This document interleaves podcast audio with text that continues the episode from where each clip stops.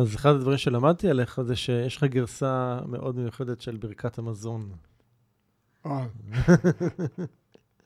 משהו שלך. איזו שאלה מעניינת. אה, כן, אה, כל פעם שאני שם משהו בפה, ולא חייב להיות ארוחה, אז יש איזו תחושה של הוקרה, של תודה, של בעצם המזון הזה שאני שם בפה, אחד, הוא זכות, הוא מתנה, שלא מובן מאליו לכל כך הרבה אנשים בעולם שיכולים לאכול את זה, ובעצם במזון הזה יש את החקלאי שגידל, את האיש שארז, את האיש שהוביל את ה... את ה... וגם בעצם אולי לחומרי הריסוס, לחומרי ההדברה, לנזק שנגרם לעולם. ובעצם כל זה גורם לי ל... לאכול אוכל שמזין, שמחיה אותי, ועל כל זה תודה לכל אלה שאפשרו לי את, ה... את המזון הזה. אז אני, לפעמים זה איזשהו אה, מילה, פסוק, תחושה, תמונות, וכל פעם זה משהו אחר, אבל זה, יש כמעט, עכשיו אכלתי תפוח, אז גם כן ישבתי למטה, וגם כן את התחושה של ההוקרה והתודה על ה... וכמה הדבר לכאורה הפעוט הזה כולל בתוכו, מכיל בתוכו כל כך הרבה אלמנטים שמאפשרים זה שאני יכול לנעוץ את שיניי וליהנות מהתפוח. זה, זה בעצם איזושהי צורה להכניס הרבה מאוד מודעות לתוך uh, פעולה לכאורה יומיומית ומאוד uh, בנאלית. כאילו ביס מתפוח, רוב האנשים לא עוצרים שנייה כאילו כן. לחשוב רגע לפני זה, לא? Uh, נכון, ואני חושב שאם אנחנו נעצור רגע, נראה שבעצם כל רגע זה סיבה למסיבה, סיבה להגיד תודה, זה שאני יכול לאכול תפוח, זה שיש לי את הבריאות, זה שיש לי את החיים, זה ש... אה, כאילו זה בעצם להביא אה, תחושה של מודעות והוקרה על כל מה שיש לנו שהוא נראה כל כך טבעי, אבל בעצם הוא לא כל כך מובן מאליו, אבל הוא בעצם ממש לא מובן מאליו. אז זה איזושהי תחושה של תודה רבה. Mm. טוב, אז אנחנו הולכים לדבר אה, כנראה גם לא מעט, לא מעט על מודעות בשיחה הזאת שלנו. אה, אנחנו מיד מתחילים, מיד אחרי הפתיח.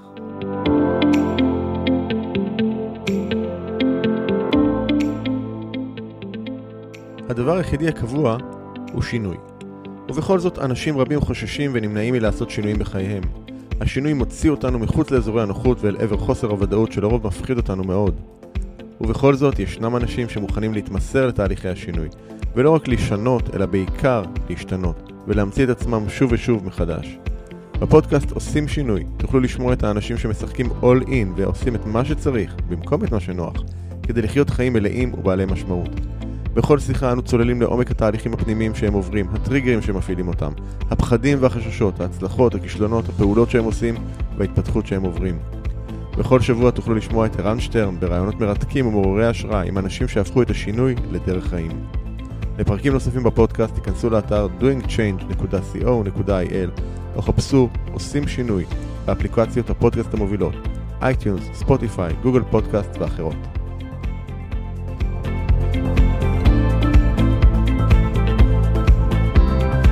ברוך הבא יצחק פרייס. תודה על ההזדמנות המאוד מאוד מיוחדת ומאוד מאוד מוקיר אותה שאפשרת לבוא אליך ולרעיון לשיחה איתך. אהלן.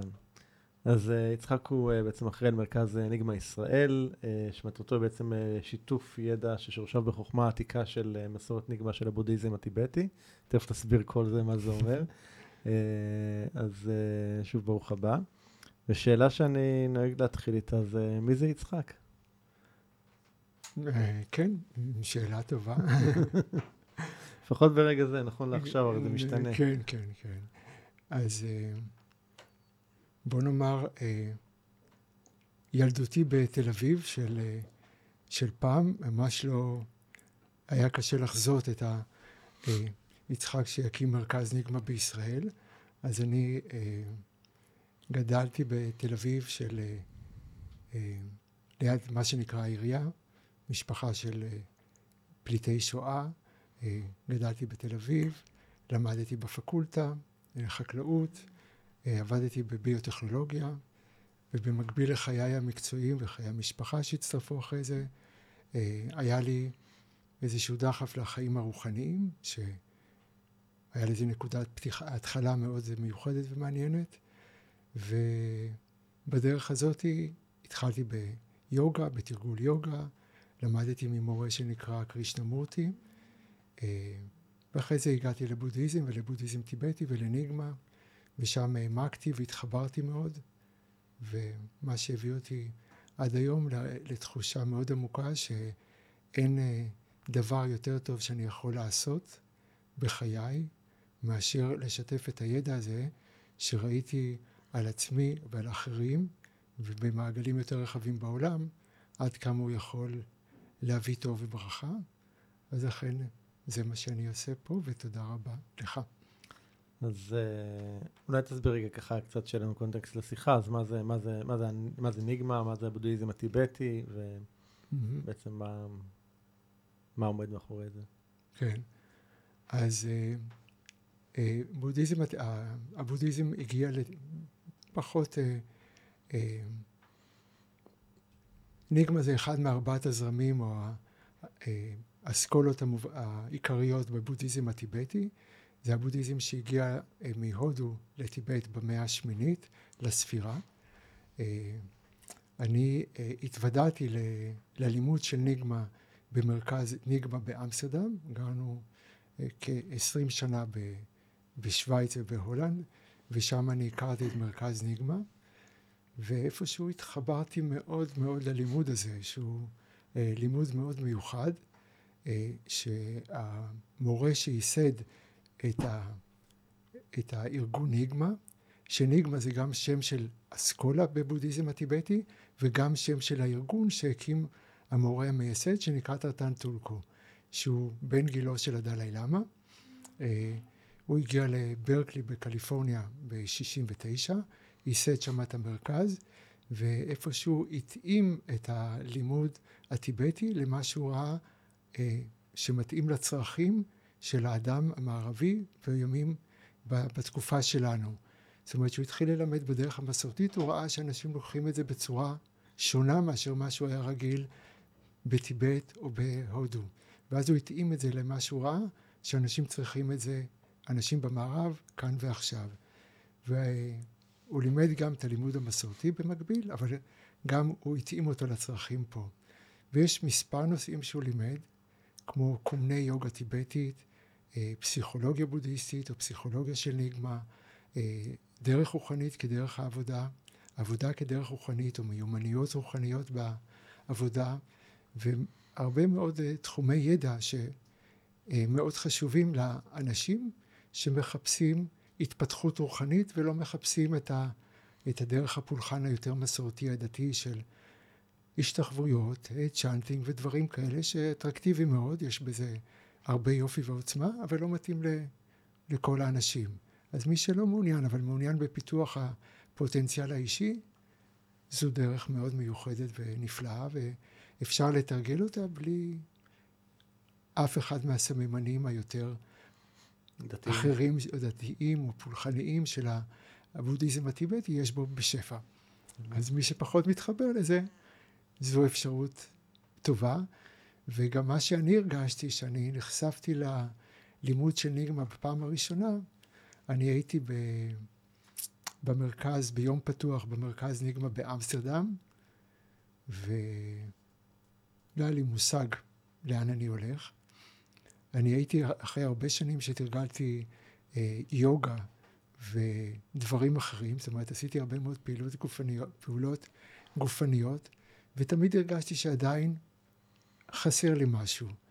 אם ביוגה זה נתן לי, העניק לי מתנות נפלאות שאני לוקח אותן עד היום. אה, להבנה של, אה, של הגוף, של התזונה.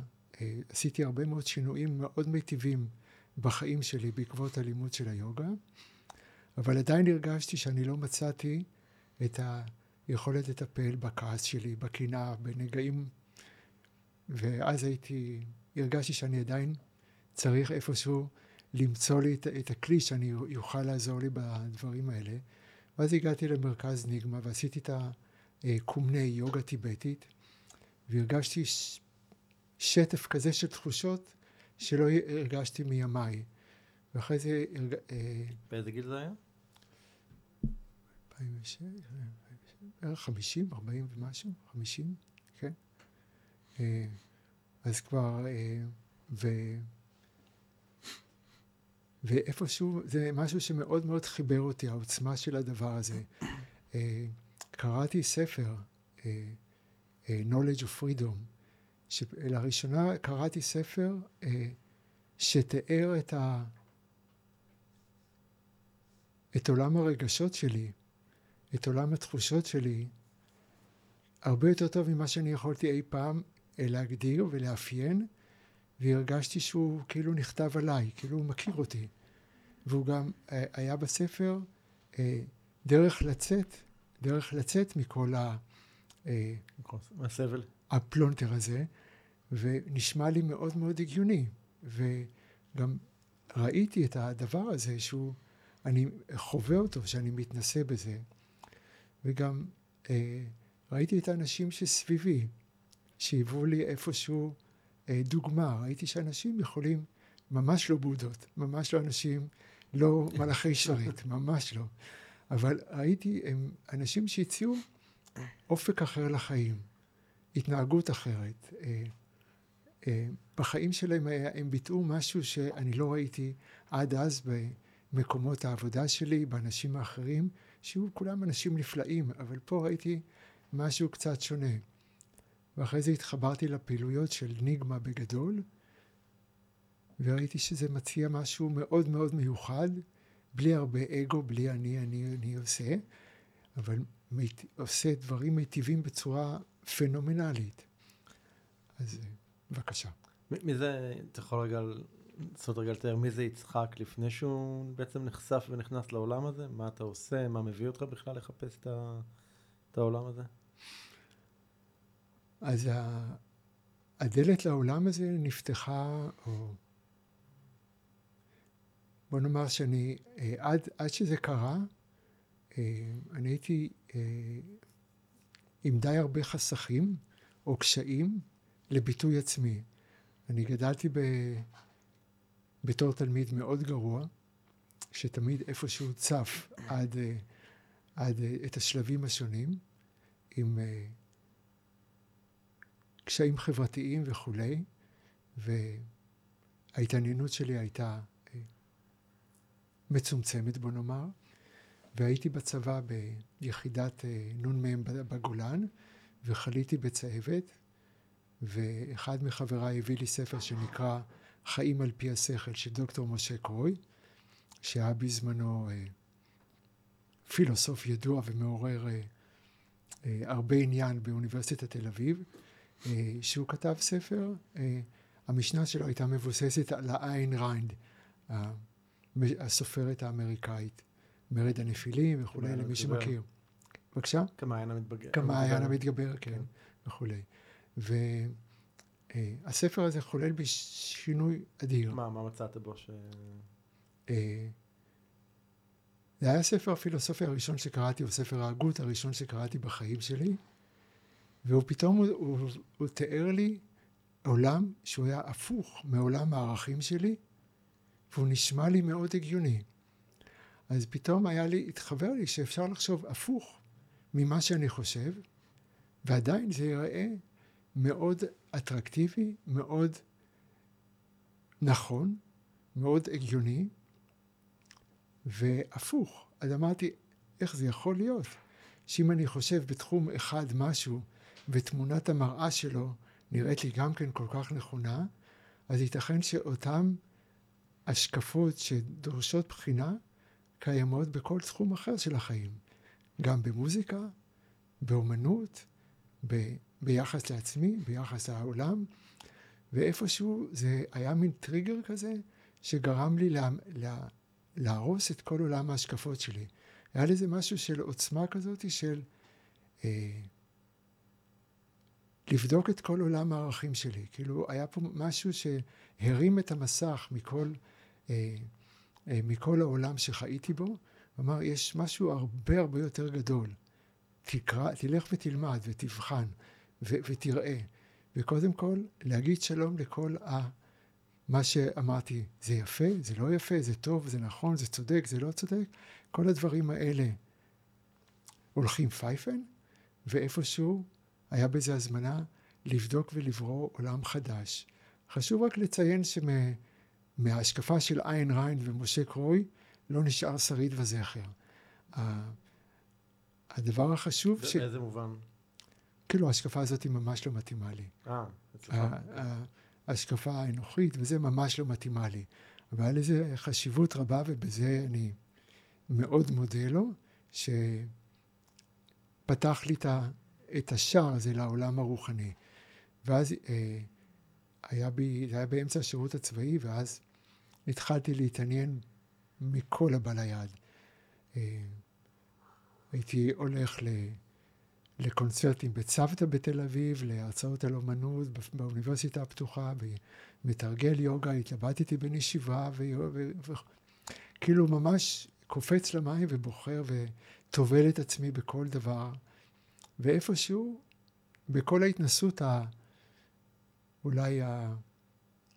ללא מעצורים הזה, היה משהו של תמיד, אה, אני חושב שזה המתנה הגדולה, שיש לי מצפן הלב.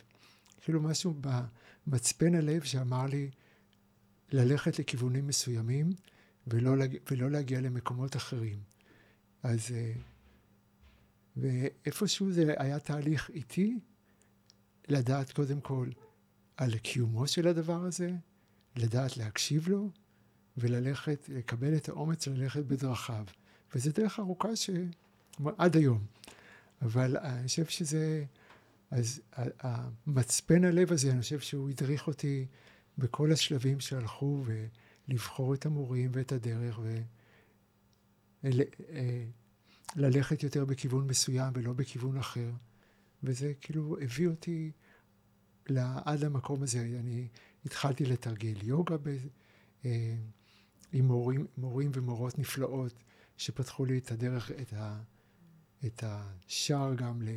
מעט לפילוסופיה של היוגה, ואחרי זה אה, עוד מורה אחד, קרישנה מורטי, אחרי זה, אה, כאילו כל דבר בא בזמנו.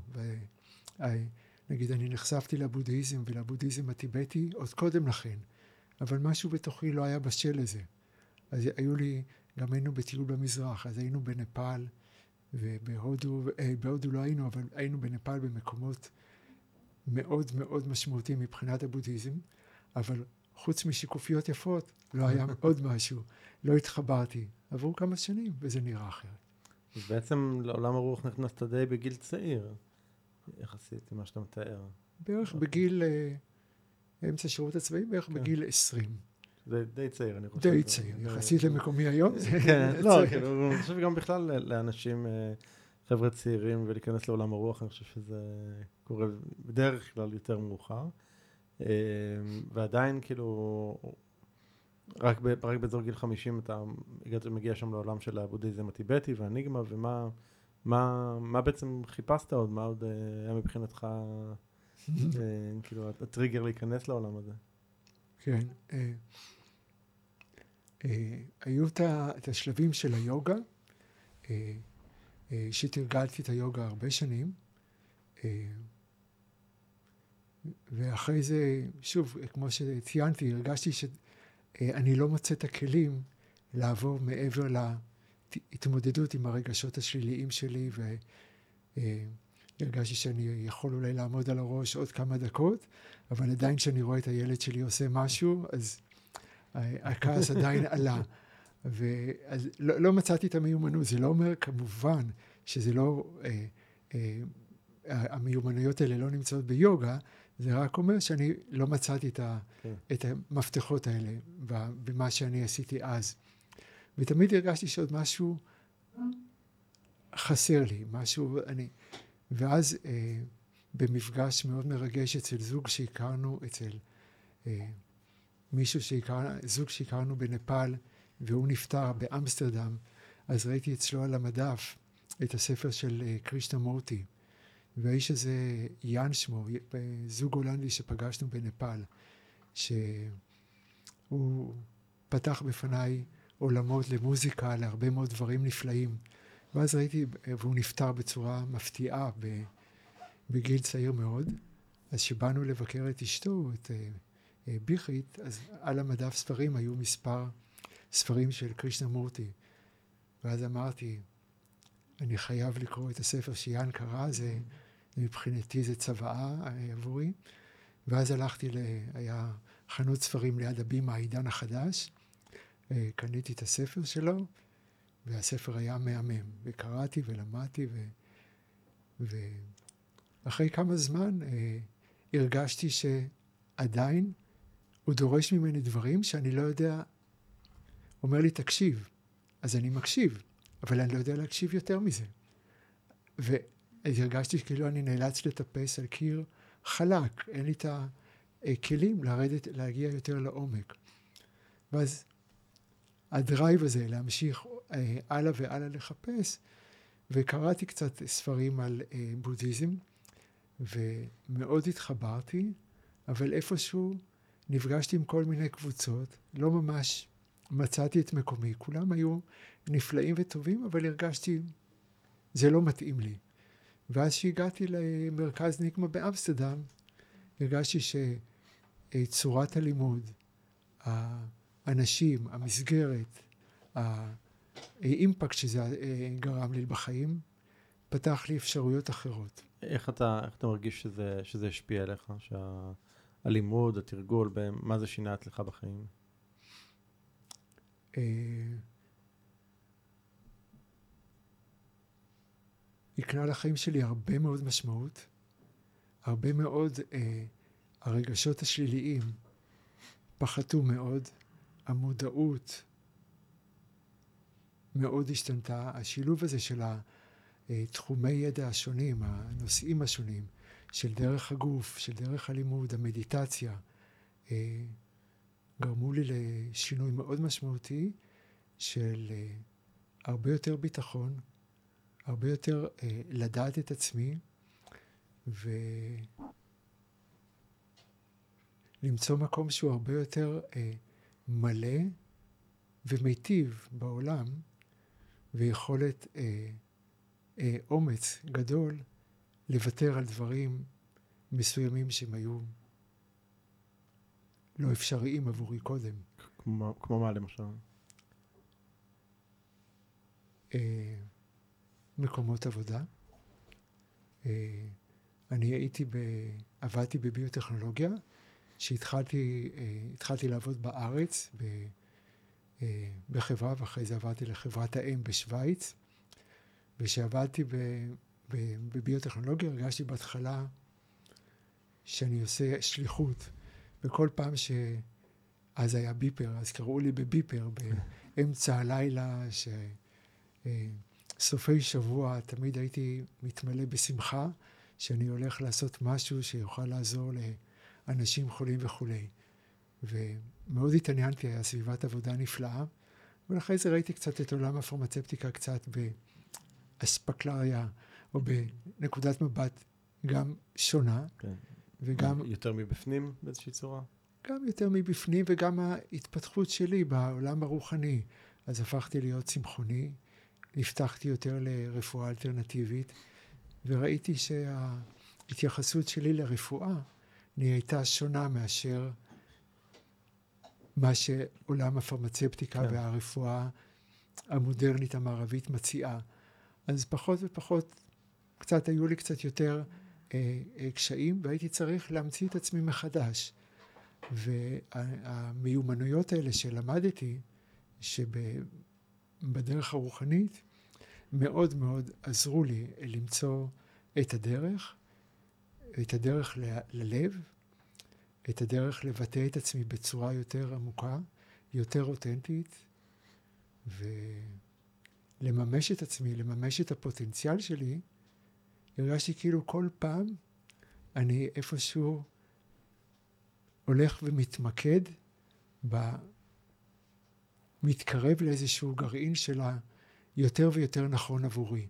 כאילו כל פעם, אה, כל הדברים, המסלול חיי הולך ומתכנס לאיזשהו מקום שהוא יותר ויותר יצחק, ויותר מיצחק.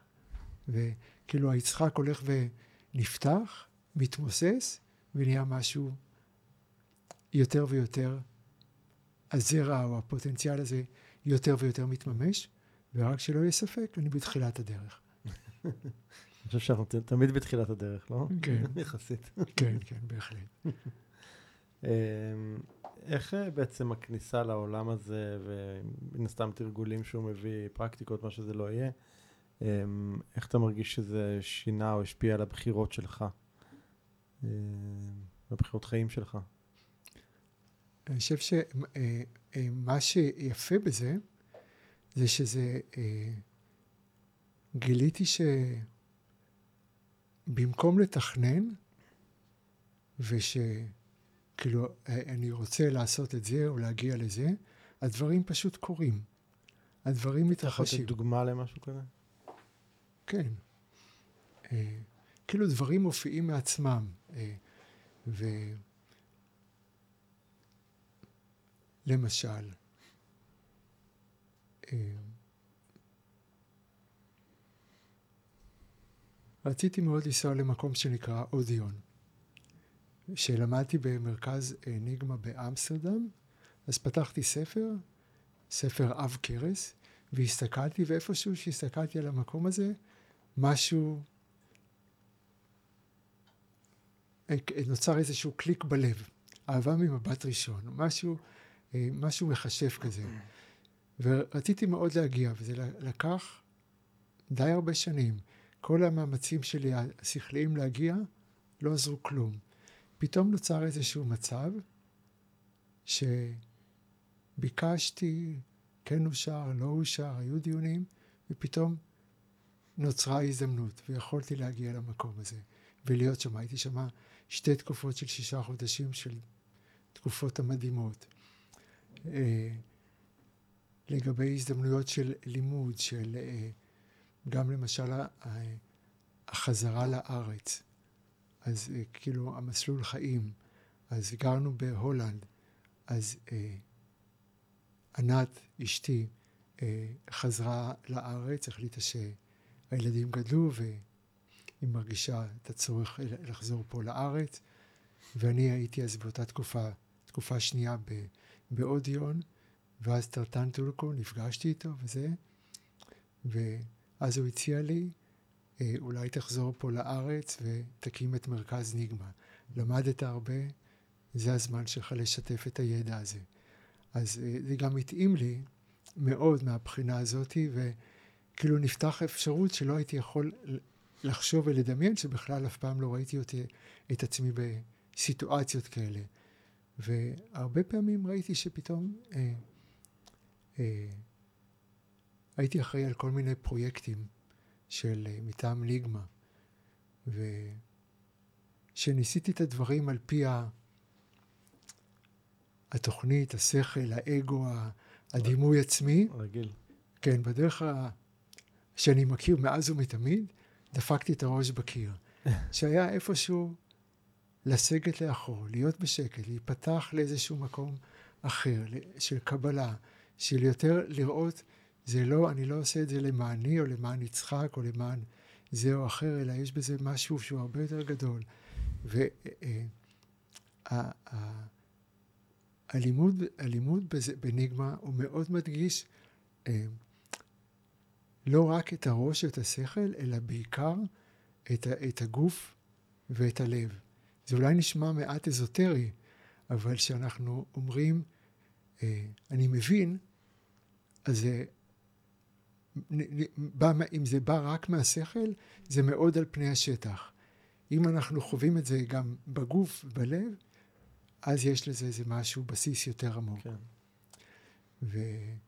ושהשינויים האלה, שהפרויקטים האלה הלכו יותר, הופנמו, פתאום נפתחו דברים שלא יכולתי לדמיין אותם. למשל, בפרויקטים של הילינג ודברים מהסוג הזה, שאני... אה, כמעט שנה וחצי, שנתיים, הם היו תקועים, ופתאום, כמו כבמטה קסמים, או חמאה שמתמוססת, או כל דרך כזה, פתאום כל, ה, אה, כל המחסומים נעלמים, ובעצם אה, אני יכולתי לראות שבעצם המחסומים האלה היו רק בשבילי אמצעי לתרגול, ובעצם לא היה שום מחסום, ובעצם שמשהו בתוכי ראה אחרת, פתאום הדרך הייתה פתוחה, למה לא הלכת? כן. אז... אה, אבל מה שאתה מתאר כאן, זה, אני חושב שזה אחד הקונפליקטים הכי גדולים שקיימים אצלנו uh, כבני אדם, זה באמת היכולת הזאת להאמין, להאמין במשהו uh, בלי שאנחנו רואים את זה עדיין במציאות הפיזית, נקרא לזה. זאת אומרת, אנחנו רואים במציאות הפיזית מראה לנו משהו, ורוב האנשים, uh, נקרא לזה, יאמינו לה, למציאות הזאת, כי היא לכאורה משקפת משהו. כן. ופה אתה מתאר מצב ששוב, אני חושב שבעולם ה... עולם הרוח, עולם ההתפתחות, זה אחד הדברים שמדברים עליו לא פעם, זה שכאילו אתה צריך כאילו, אתה צריך בעצם להאמין במשהו עוד לפני שאתה רואה אותו מתקיים, וזה יוצר את הקונפליקט אצל הרבה מאוד אנשים, איך, איך, הדבר, איך אתה רואה את הדבר הזה נפתר, איך הוא נפתר אצלך? אז אה, אני חושב שאתה אה, נוגע בנקודה מאוד חשובה, ולמשל כשאני תרגלתי יוגה, אז אנשים אמרו לי, אה, אמרו שאנחנו עושים את התרגיל, או את האסנה הזו והזו. אני מרגיש המון אנרגיה. אמרתי, סליחה, אני, אין לי מושג על מה אתם מדברים. לא היה לי מושג מה זה אנרגיה בגוף, לא מסתובב לי כלום. ו, אה, ואני חושב, נגיד, אה, היו, יש ב, בימינו הרבה ספרים על תקשורים, או דברים, כאילו, התנסויות על מעבר לחושים הרגילים. אני תמיד היססתי מאוד ללכת לזה, שהרגשתי שאין בי את הפתיחות ואת ההבנה ואת הרגישות להתחבר לזה.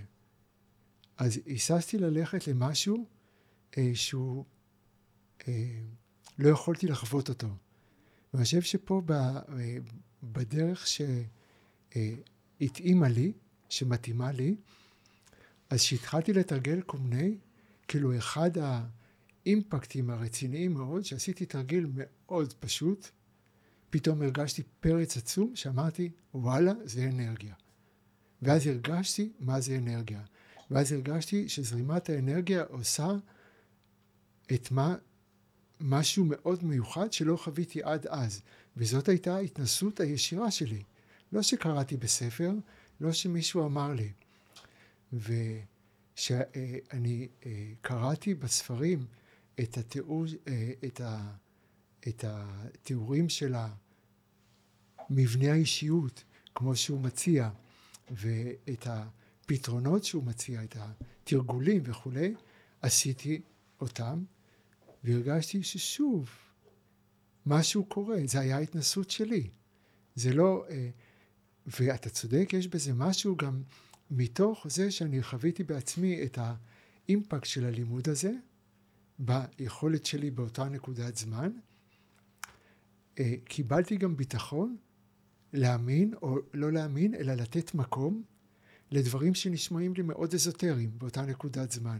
אז אמרתי, אם בן אדם היה כל כך חכם, וזה לא רק, זה מסורת, אם היה בהם כל כך חוכמה אה, להציג או לגלות את הדברים שאני יכול להבין, אני נותן להם גם את המקום, את הקרדיט, אה, לדברים שאני היום לא מבין, זאת אומרת, אני לא פוסל, אני לא מבטל. לפני כן היית פוסל ומבטל?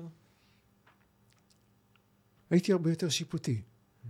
הייתי הרבה יותר שיפוטי, וגם, אה, אה, בוא נאמר, אני אה, ראיתי את היכולות של הבן אדם, את מה שהוא עשה, את העומק של הלימוד. זאת אומרת, הבן אדם הזה הוא לא, הוא לא גמר שלושה חודשים השתלמות או משהו, אלא זה של, שושלת ארוכה של ידע, של חוכמה.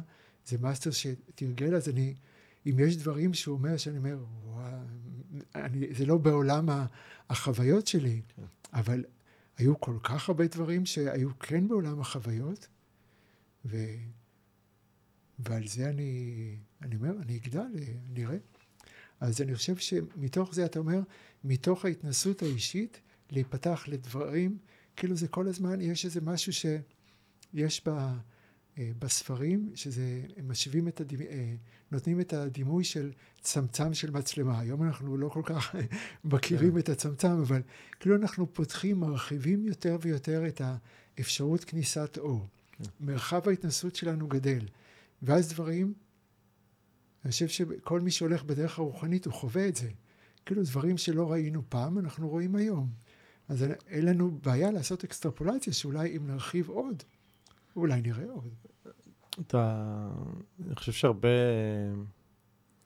הרבה מאוד אה, תורות רוחניות או עקרונות, מה שזה לא יהיה, הם באמת מדברים על, מדברים על דברים דומים. אני חושב שהקושי באמת של אנשים זה, זה להוריד את זה בסוף לקרקע, זה בסוף באמת להנכיח את זה במציאות שלהם, כי להיות, להיות, יש מלא אנשים שהם גם תלמידים נצחיים והם כל הזמן לומדים, ואני מאוד בעד ללמוד, אבל כאילו בסוף זה צריך כאילו לרד, לרדת לקרקע, בדיוק. במה, במה אתה מרגיש שה, שהכלים או הגישה הזאת היא באמת אה, מאפשרת אה, להוריד את הדברים לקרקע, שזה לא יישאר רק, אתה יודע, איזה שהם תיאוריות שאנשים לומדים, נהנים מהם יותר, פחות, לא משנה, אבל בסוף איך, איך זה הופך באמת להיות, באיזה רמה זה מצליח להגיע באמת לפרקטיקה היומיומית של החיים? חושב שאחד הדברים המייחדים את הלימוד הזה של ניגמה, זה היכולת של זה שזה לחיים. אז למשל גם אה, אה, תרגול של קרינג, אה, של אה, אכפתיות, תרגמנו את זה, מאוד, אכפתיות מעומק הלב. Mm-hmm. היכולת לבטא, אה, להכיר ולהתוודע לאיכויות של להתבונן בעצמנו ובאחרים מתוך חוכמה וחמלה. זה, השינוי של זה הוא, הוא פשוט, עבורי הוא היה מאוד מאוד משמעותי, וגם מה שיפה שפתאום אנחנו אה, ההתייחסות שלנו לעצמנו היא הרבה פעמים שאנחנו עושים איזה טעות, מיד יש את אותו קול קטן שמתחיל לזמזם לנו למה ככה ולמה ככה וזה לא מספיק טוב okay. אוקיי.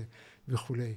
אז אה, להתמיר, את ה- לעשות טרנספורמציה לקולות האלה, לבטא הרבה יותר הוקרה, הרבה יותר חמלה, אה, בעצם להבין את, ה- אה, את ה mind שלנו, את התודעה שלנו, ולהתבונן בה בהרבה יותר חמלה ולשנות את כל ה...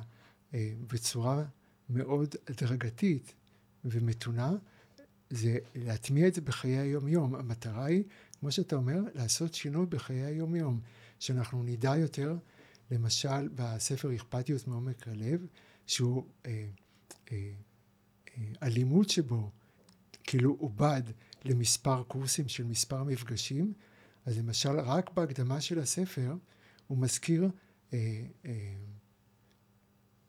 איכות אחת, שלוש איכויות של, של האכפתיות מעומק הלב, למשל היכולת אה, אה, להוקיר את עצמנו ואת אחרים, חברות ללא תנאי עם עצמנו ועם אחרים, והיכולת לבקש סליחה או להביע סליחה כלפי עצמנו ואחרים.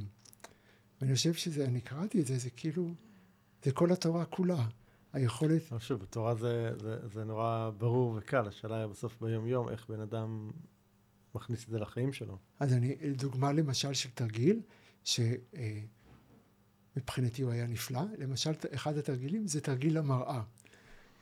לקום כל בוקר, אה, אה, ללכת למראה ולהסתכל במראה, והמראה מסתכלת בך, ולהתבונן בצורה מקבלת, פתוחה, לא שיפוטית, ולהתבונן ולהבטיח, כאילו לצאת באיזושהי הבטחה, שהיום אני אבטא אכפתיות ודאגה לעצמי וכל מה שיקרה במשך היום.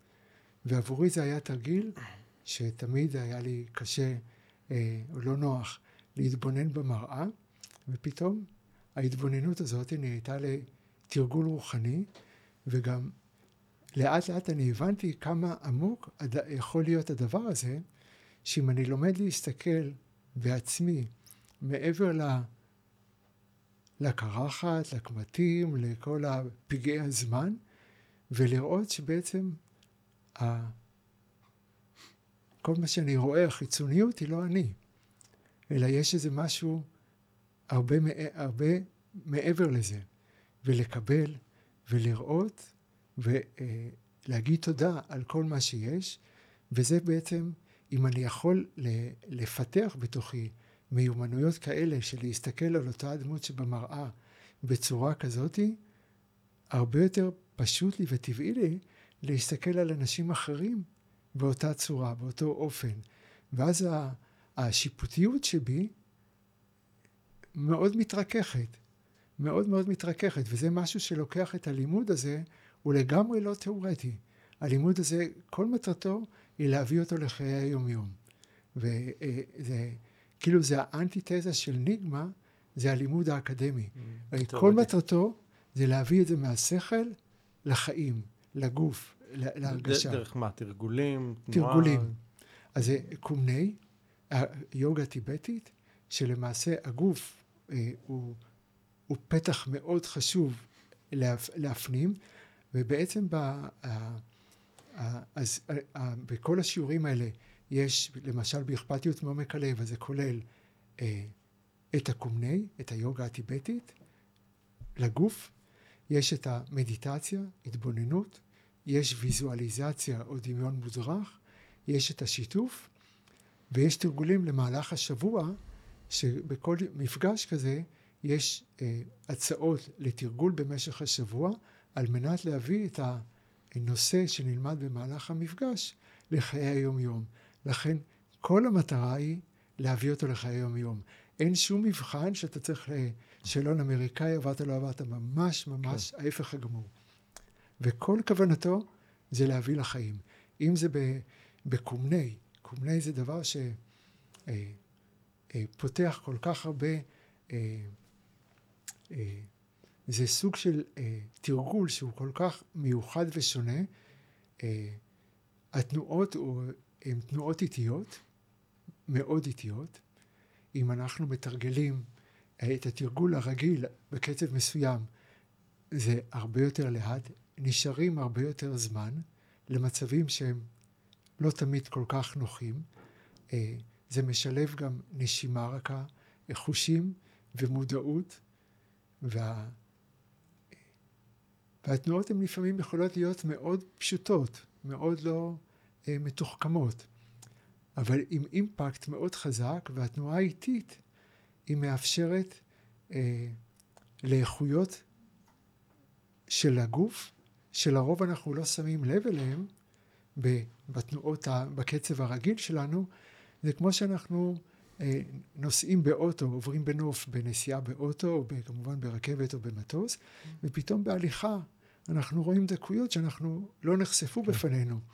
ואז אנחנו, הרבה מאוד תחושות, דקויות של, אה, שטמונות בנו בתנועה הגופנית האיטית, הן פתאום באות לידי ביטוי, והרבה דברים שהיו אה, טמונים בנו בתור טראומות, חוסר נוחות או דברים כאלה, פתאום לאט לאט הם באים לידי ביטוי, והעבודה היא ברמה האנרגטית. זאת אומרת, אין בזה את הסיפורים, אלא העבודה היא דרך התבוננות בתחושות הגוף. והתחושות הגוף, הכוונה בקומני, זה להתבונן לזרימות האנרגיה, לדקויות, לניואנסים של הזרימה, הדגדוג, החום, הקיבוץ. ולפעמים אנחנו מסתכלים, אנחנו אומרים, לא רואים כלום, שאף פעם לא הסתכלנו לשם. אז לאט לאט אנחנו לומדים ונותנים לדבר הזה, המיומנות שלנו בלגלות את זה, או להיות קשובים לזה, גדלה. נותנים לתחושות האלה של הגוף לזרום יותר ויותר, והקום, המשמעות של הקום בטיבטית, זה הגוף, מרחב הנוכחות שלנו, זה לא הגוף הפיזי. והמרחב הזה, הוא הולך ולאט לאט מתפשט.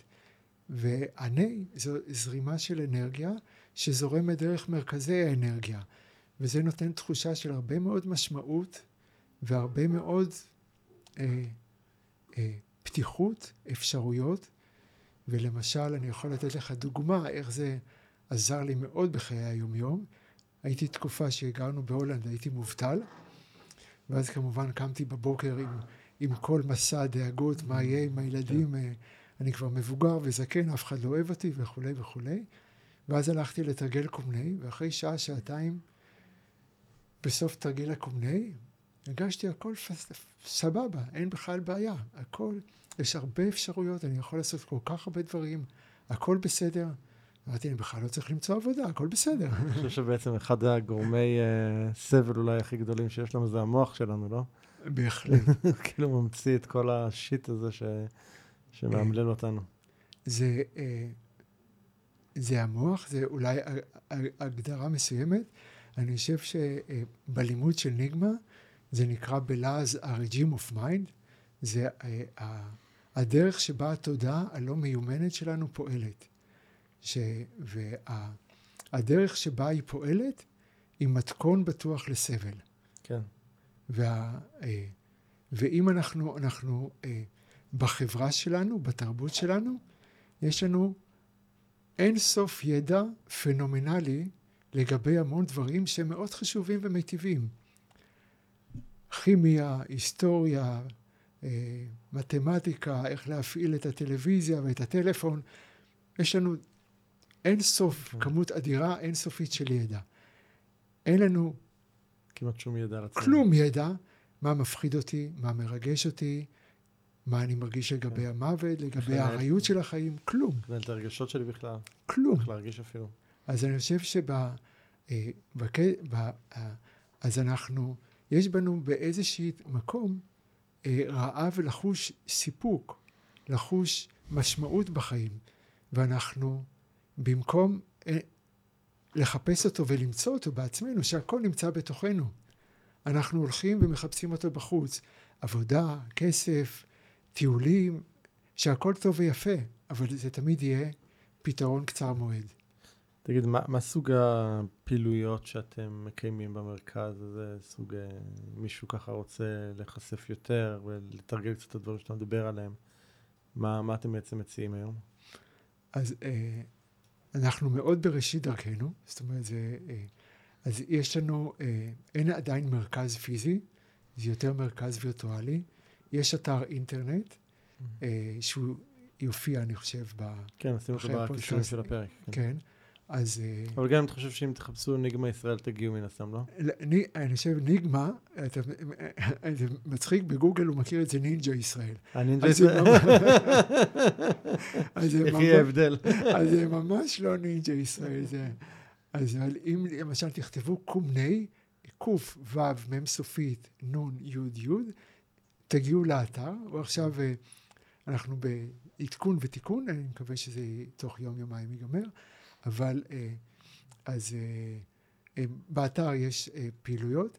אני נוסע לארצות הברית לריטריט ואיזשהו אירוע עד אמצע מרץ, ואז נשמח מאוד לשתף, ויש הרבה מאוד פעילויות, גם בקורס אכפתיות מעומק הלב, קומני ותחום נושא שהוא, אה, נכניס אותו בזמן הקרוב, זה מיומנויות, אה, מיומנויות רוחניות בזמן העבודה, mm. על פי הלימוד של אניגמה.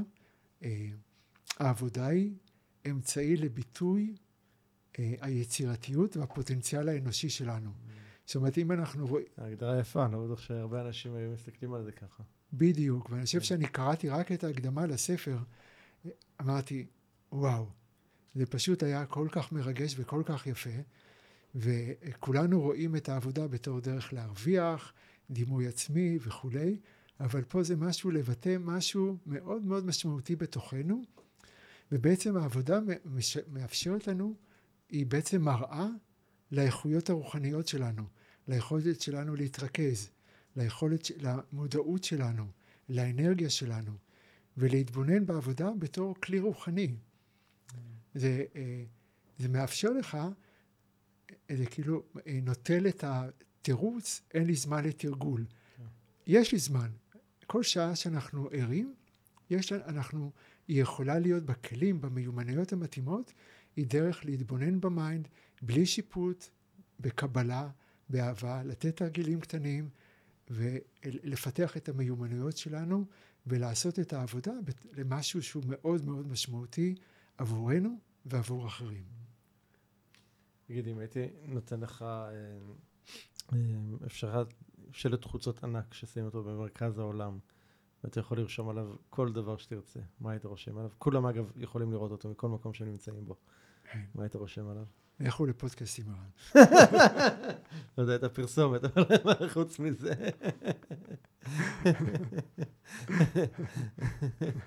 חוץ מזה, מה עוד היית כותב לא. עליו? אה, חיים מעומק הלב. כאילו, אני חושב שיש יש, יש לפעמים, יש לנו לפעמים את האשליה או את התחושה שכאילו אנחנו יודעים, את, מכירים את הלב שלנו. ואני חושב שלפחות עבורי, היכולת להתחבר לאיכויות הלב נדרש לימוד והתבוננות, ועדיין, כפי שאמרנו, בתחילת הדרך. כן, אני חושב שזה נגמר, הנושא הזה. כן, אז יש בזה, ב, ב, בלב, בלימוד של, ה, אה, של ניגמה, של הבודהיזם הטיבטי, זה מקום של חוכמה מאוד מאוד עמוקה, כאילו, אה, ו... אז אני חושב להתחבר לאותו מקום, לאותה איכות עמוקה של הלב, שידריך אותנו בחיים, אז אני חושב שכל יום של חיינו יהיה משמעותי. אנחנו קמים בבוקר אה, מתוך הוקרה על החיים שניתנו לנו, יש לנו איזשהו חזון ליום, בסוף היום אנחנו יכולים להתבונן, גם אם לא עשינו הכל, גם אם היו טעויות או דברים כאלה, בקבלה, באהבה, ומחר יש לנו עוד הזדמנות, אולי אני מקווה, של ללמוד ולהשתפר, וגם בערוב ימינו, שנגיע, בסך הכל מה המטרה שלנו? לעבור את החיים עם חיוך על השפתיים, לנו ולאחרים. כן. ו, ולהגיע למתי, למתי, עד מתי שיקצב זמננו פה, בלי חרטות, בלי תחושת שהחיים עברו לידינו. אני חושב שבאמת אפשר בלי, באפס חרטות להגיע? אני יודע, אני, אמנם אני לא יודע בדיוק מתי יבוא יומי, אבל אני חושב, אה, אני יכול להגיד לך מההתנסות שלי למשל, אה, היו לי דברים שאני אה, הרגשתי שהיה לי את התווית כישלון. Mm. ובאיזשהו שלב ממרום גילי וניסיוני, פתאום ראיתי שהדברים האלה היו לי מורים נפלאים. שבעצם זה ממש לא היה כישלון. זה היה כמו שמישהו לקח אותי ביד ואמר, במקום ללכת בדרך, בדרך שגויה, אתה, אתה מתברבר בדרך, בוא תלך בדרך. זה מישהו, זה אה, ניסיון שהביא אותי מדרך הדימוי העצמי והאגו לדרך שהיא יותר מתאימה לי. באותה נקודת זמן שמתי על זה את התווית כישלון. לא התקבלתי, לא כן. מימשתי, לא עשיתי. אז אני חושב שזה גם הרבה מאוד תלוי בדרך ההסתכלות שלנו. כן. אנחנו יכולים לראות שבעצם הכל קרה בדיוק כמו שהוא היה צריך לקרות. ואין עם זה שום בעיה. כן, כשאתה נמצא בתוך האירוע עצמו, זה, זה בדרך כלל מאוד קשה לראות את זה ככה, כמו שאתה מתאר. רק פרספקטיבה הרבה פעמים יכולה לאפשר לנו את, את ההבנה הזאת. גם, אבל גם יש את הטריק הזה של המילים. אנחנו שמים על זה את ה... אה, איך אנחנו מתייחסים לזה בכלל? אנחנו שמים לזה את התוויות האלה, את השיפוטיות. נכון. אז גם לא... אה, לא, לא לשים את התוויות האלה. כן, המילה כישלון היא מגיעה עם מטענים מאוד מאוד כבדים. מאוד כבדים, כן, כן, כן. למשל, אני, אה, היה, למשל הלילה, ללכת בלילה בחושך, היה לי מיד את התווית, אני מפחד ללכת בחושך. ואז כשנהייתי יותר מודע לעוצמה של המילים, אמרתי, החושך מרגש אותי. פתאום כבר אני לא מפחד. החושך, אני מסתכל מסביב וממש כיף. ואני נזהר, אני מודע למה שנעלם מעיניי או מחושיי, אבל זה בסדר. אבל השימוש שאנחנו עושים במילים וגם נצמדים לזה, ורואים את זה אמיתי, זה כאילו חלק מהלימוד הזה, אה, זה להעמיס את המוצקות של המציאות שאנחנו רואים. הוא כזה והיא כזו, אני כזה וכולי וכולי, ושמים את התוויות ומהיום עד ביאת המשיח, או עד... כן, מתנהגים לפי זה. כן, אבל זה ממש לא רלוונטי. כן. וחלק מאותה, אה, כאילו, אני לפעמים, אה, נגיד שחזרתי לארץ, אז פתאום מצאתי אנשים שזוכרים לי אירועים שהיו לפני עשרים שנה, שהם כאילו, הם כל כך טריים בזיכרונם, כן? כן. האם אתם חושבים שזה קשור למשהו להיום? ממש כל אחד מאיתנו עבר עולם ומלואו. זרוק אותו לפח. כן, אנשים מחזיקים. וכשאנחנו מדברים על מסע החיים, זה בדיוק המסע, אנחנו סוחבים את כל הלבנים האלה עוד ועוד. ואם אנחנו יודעים לפרוק את המטען הזה, אין שום בעיה. זאת אומרת, כל אה, אירוע כזה הוא אפשרות לגדילה, ללימוד, לצמיחה, וגם את הטעויות שאני עשיתי, ועשיתי להם אה, הרבה דברים, אז אה, אני חושב, הלימוד הזה מאוד עזר לי, של האכפתיות מעומק הלב, לראות שבעצם אנחנו רוצים טוב, רק אין לנו את הכלים לעשות את מה שאנחנו בעצם רוצים. ובשלומיאליות שלנו אנחנו פוגעים בעצמנו ובאחרים. ויש בזה משהו שהוא מאוד, אה, אני חושב שמפנימים את הידע הזה, יש בזה משהו שמאוד בא לחבק גם את מי שפגע. זאת אומרת, נגרם כל כך הרבה סבל לך ולי ולאחרים. בעצם אף אחד מאיתנו לא רוצה את הסבל הזה, אבל אנחנו לא יודעים לעשות יותר טוב. ולכן אני חושב שיש משהו שאני מרגיש שכל ידע כזה שהוא יכול לתרום, אה, להימנע מה... ידע מיטיב, ידע שיכול לעזור לאנשים לממש אה, את הפוטנציאל שלהם בצורה יותר טובה, לעבור את החיים בצורה יותר חיובית לנו ולעולם שסביבנו. העולם היום קצת אה, דורש אה, כמויות אינסופיות מהדברים האלה. לגמרי. אמ, יש משהו שהייתי צריך לשאול אותך ולא שאלתי? אף פעם לא עניתי לכל כך הרבה שאלות. יש משהו שהיית רוצה לשאול אותי?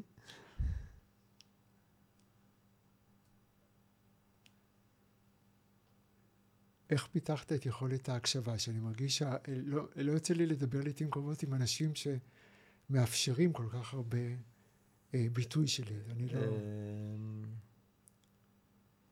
אני חושב שההקשבה שלי מגיעה מתוך סקרנות. נראה לי שזה העניין אצלי לפחות. אמ, מבחינתי גם הפודקאסט זה הזדמנות אה, להכיר, להיחשף, לפגוש אנשים, רעיונות, כיוונים, אתה יודע, מחשבות, אה, שכנראה בסיטואציות, אה, סיטואציה אחרת אולי, כנראה שלא הייתי יכול להיחשף אליהם. אה, אז אני מאוד מאוד משתדל עד כמה שאני יכול להביא אנשים שיהיה לי מסקרן לדבר איתם, מסקרן כן. לשמוע אותם, אז משם זה, כן. משם זה נובע. אני יכול להבטיח לך שיש אנשים שאני הרבה פחות סובלני להקשיב להם. בפודקאסים ששמעתי, ואני חושב בחוויה שלי, זה, אה, אני לרוב לא, לא דברן גדול, אבל משהו בנוכחות שלך, וכאילו הדימוי שיש לי, סליחה, אבל זה רק, זה כמו שמוצאים את הפקק באמבטיה, כאילו, אה, אה, כן. אני מרגיש שמשהו נשפך חופשי, בלי מעצורים, אז יש משהו בנוכחות שלך שמאוד מאפשר, מזמין ופותח, ואני חושב שזה... תודה רבה. חוויה מיוחדת עבורי, ותודה רבה. ועוד אולי, אם אפשר כן. להחליק עוד שאלה, האם יש איזשהו אה, תרגול רוחני במרכאות כפולות ומכופלות שאתה אה, עושה או מחובר אליו יותר? אה, לאורך השנים היו לי כל מיני תרגולים כאלה ואחרים שהייתי עושה, שהייתי עושה, אם זה לפעמים מדיטציות, לפעמים כתיבה או כל מיני דברים כאלה ואחרים. אה, אני חושב שכתיבה זה אחד הכלים היותר עקביים אצלי בשימוש. כן. כן, אני חושב שבעיקר, בעיקר, תמיד כתבתי, תמיד, אפילו עוד כילד הייתי כותב לי יומן, כמה אפילו. אה, אבל אה, בשנים המאוחרות אני חושב שבמיוחד אחרי ש... יש לי איזשהו קובץ אה, במחשב שפתחתי אותו ממש לפני ארבע שנים פחות או יותר כשגיליתי שאני חולה סרטן. הוא נקרא מסע של החלמה. oh, וואו. Wow. ככה הוא נקרא. וכבר החלמתי והכל בסדר כן, ואז כן. זה, אבל הקובץ נשאר ועד היום אני, אני כותב בו כי אני חושב שבעצם מאז המסע הזה מבחינתי הוא, הוא כל הזמן מתמשך, אז אה, זה הפך להיות לקובץ יומן הפחות או יותר העדכני שלי. מדהים. אה, אז אני כותב שם כאילו, לפעמים זו כתיבה שהיא כתיבה שפשוט מתארת משהו שקרה, ופשוט מוציאה את זה. לפעמים הכתיבה היא כתיבה של אה, כל מיני מחשבות לגבי העתיד, או כל מיני דברים מהסוג הזה, ולפעמים גם הכתיבה היא סוג של דיאלוג שאני מקיים עם... אה, אני קורא לזה שהוא חלק פנימי רוחני גבוה שקיים בתוכי, אז אני עושה ממש סוג של כמו, mm-hmm. כמו דיאלוג כזה mm-hmm. אה, של ערן מול החלק הגבוה של ערן נקרא לזה, משהו כזה. כן. אז זה ככה פחות או יותר הסוגים של השונים, אבל אני חושב שכתיבה זה בשבילי ה... המדיום. כן, הכלי, כן. אני חושב יש משהו מאוד מעניין במה שאתה אומר בכתיבה. באחד המורה, המורה המרכזי שלי של קומני, הוא המליץ לנו לקחת פסקאות מתוך ספרי הקומני ולכתוב אותם ביד. Mm. זאת אומרת שיש משהו בכתיבה של החיבור בין הלב, הראש והיד, שהוא יוצר איזשהו מעגל נכון. מאוד, מאוד, מאוד מאוד חיובי וחשוב, וכאילו הכתיבה של הטקסט הזה הוא יוצר איזשהו... אני, אני, מאוד, אני, אני מאוד יכול להבין את זה, אני חושב שאני, כשאני נגיד שאני שומע סתם הרצאות, אני חושב בסדנאות או משהו כזה, אני תמיד כותב, תמיד, תמיד, תמיד, תמיד, תמיד, כן. טוב. אה, גילת הסוד, רוב, רוב, רוב המחברות האלה, או הדפים שכתבתי עליהם, אני לעולם לא מסתכל בהם יותר. אני גם כנראה לא, האמת שיש מקום שאני יודע, יש מקום, לכולם יש את כן. המקום הזה שאנחנו שמים בו את המחברות האלה, אבל אני, אני כמעט ולא חוזר אליהם אף פעם. אבל אני חושב שבעצם הכתיבה באמת, זה, זה יוצר לי איזשהו חיבור הרבה יותר uh, לתוך, לתוכן עצמו, לדברים שנאמרו. כן. ככה אני גיליתי על עצמי. האם אה, זה בסדר שאני חורג כן, כן, כן. מהשאלה שהקצבת לי? מחוקי הפורמט. כן. אני, אומר, זהו, זה כזה, הפורמט הוא גמיש. לא, בסדר, אולי אתה צריך ללכת הביתה, לא. אה, אה, האם מחלת הסרטן, שאני חושב שזה, גם לבטא את שם המחלה זה כבר לא, לא, לא פשוט, אם אני יכול לשאול, האם זה פתח בפניך אפשרויות להילינג מעבר... אה, לרפואי? מעבר לצד הרפואי, לרבדים, ואם אתה יכול מעט... אה, אה, דיברתי על זה, אני חושב, בכמה הזדמנויות כן. בפרקים, אבל אני חושב שבאמת ה... היו שני שלבים מבחינתי בהחלמה, היה שלב ראשון שבאמת ההחלמה הפיזית, הבריאותית, שזה רופאים וכל מיני תהליכים אחרים שעשיתי, וזה נמשך כמה חודשים. Uh, השלב השני שמבחינתי הוא never ending, כזה הוא לא מסתיים, זה באמת היה השלב הפנימי העמוק יותר של לשאול את עצמי למה, למה, למה משכתי חוויית חיים כזאת ומה המשמעות העמוקה שלה ומה אולי השיעור או השינוי שאני נדרש ושם כן, כן התחלתי לחקור ולהעמיק ו, וגיליתי גם דברים. וגם נעשו אחר כך הרבה הרבה הרבה מאוד שינויים, זאת אומרת, ערן של היום זה לא ערן של לפני ארבע שנים, אה, mm-hmm. באופן חד משמעי. אה, אז אה, בין השאר ראיתי כל מיני דפוסים שהיו לי של ויתור בכל מיני דברים, על, על, על עצמי בכל מיני היבטים שחשובים לי בחיים, או של ריצוי. שזה, אני חושב שזה היה ככה הדברים המשמעותיים ש... שהיו שם. וכש-once זיהיתי אותם, כשראיתי אותם, אז יכולתי באמת אה, לעשות עם זה משהו ויכולתי לשנות. וואו. כן. מדהים. תודה שעשית את זה. תודה. אז אני רוצה להגיד לך המון תודה שהגעת לכאן. תודה לך. ואני אפנה ככה למי שמקשיב לנו, ואני אגיד שאם נהניתם מהפרק הזה, אני מזמין אתכם לשתף אותו עם עוד אנשים שיוכלו גם הם ליהנות. וגם אה, אה, בואו, פרגנו לנו, כנסו לאפליקציה שאתם מאזינים דרכה, ואני מאוד מקווה שהרווחנו מכם לפחות חמישה כוכבים. אז אה, המון תודה, יצחק. תודה רבה לך, ערן, תודה רבה. תודה, להתראות. תודה, להתראות. זהו, עד כאן לפרק של היום. אם אהבתם את הפרק, אל תשכחו לדרג את הפודקאסט ב iTunes, Spotify, Google Podcast, SoundCloud, YouTube או בכל פלטפורמה אחרת שדרכה אתם מאזינים לנו כרגע. תוכלו למצוא אותו באתר הפודקאסט doingchange.co.il את כל הכישורים הרלוונטיים לפרק הזה. שם גם תוכלו להירשם לפודקאסט ואנו נשלח לכם תזכורת בכל פעם שאנחנו מעלים פרק חדש. נרשמים באתר doingchange.co.il אני מזמין אתכם לכתוב לי תגובות, מה אהבתם, את מי תרצו לשמוע בפרקים הבאים, או כל הערה והערה אחרת שיש לכם. אתם מוזמנים לשלוח לי ישירות למייל feedback at ערנסטרן.co.il או בפייסבוק שלי facebook.com/ערנfanpage. אם אהבתם את הפרק הזה, אל תשאירו את כל הטוב הזה רק לעצמכם. בטוח שיש לכם חברים שרוצים גם הם לעבור שינוי. שתפו אותם ושילחו להם את הפרק. ומילה אחרונה, אבל חשובה. אם קיבלתם השראה מהפודקאסט ואתם מרגישים את השינוי בוער בכם, אם החלטתם שאתם רוצים שינוי ואתם מוכנים לעשות את מה שצריך ולא את מה שנוח, כדי ליצור את השינוי הזה בחיים שלכם, אני מזמין אתכם לתאם איתנו שיחת בהירות, ללא עלות וללא התחייבות. בשיחה הזו נעזור לכם להתמקד ולהבין כיצד לקדם את השינוי בחייכם. לתיאום השיחה ייכנסו לאתר ערנסטרן.co.il/doingchange ושוב, ערנסטרן.co.il/doingchange אני ערן שטרן, שמח שהאזנתם ונשתמע בפרק הבא.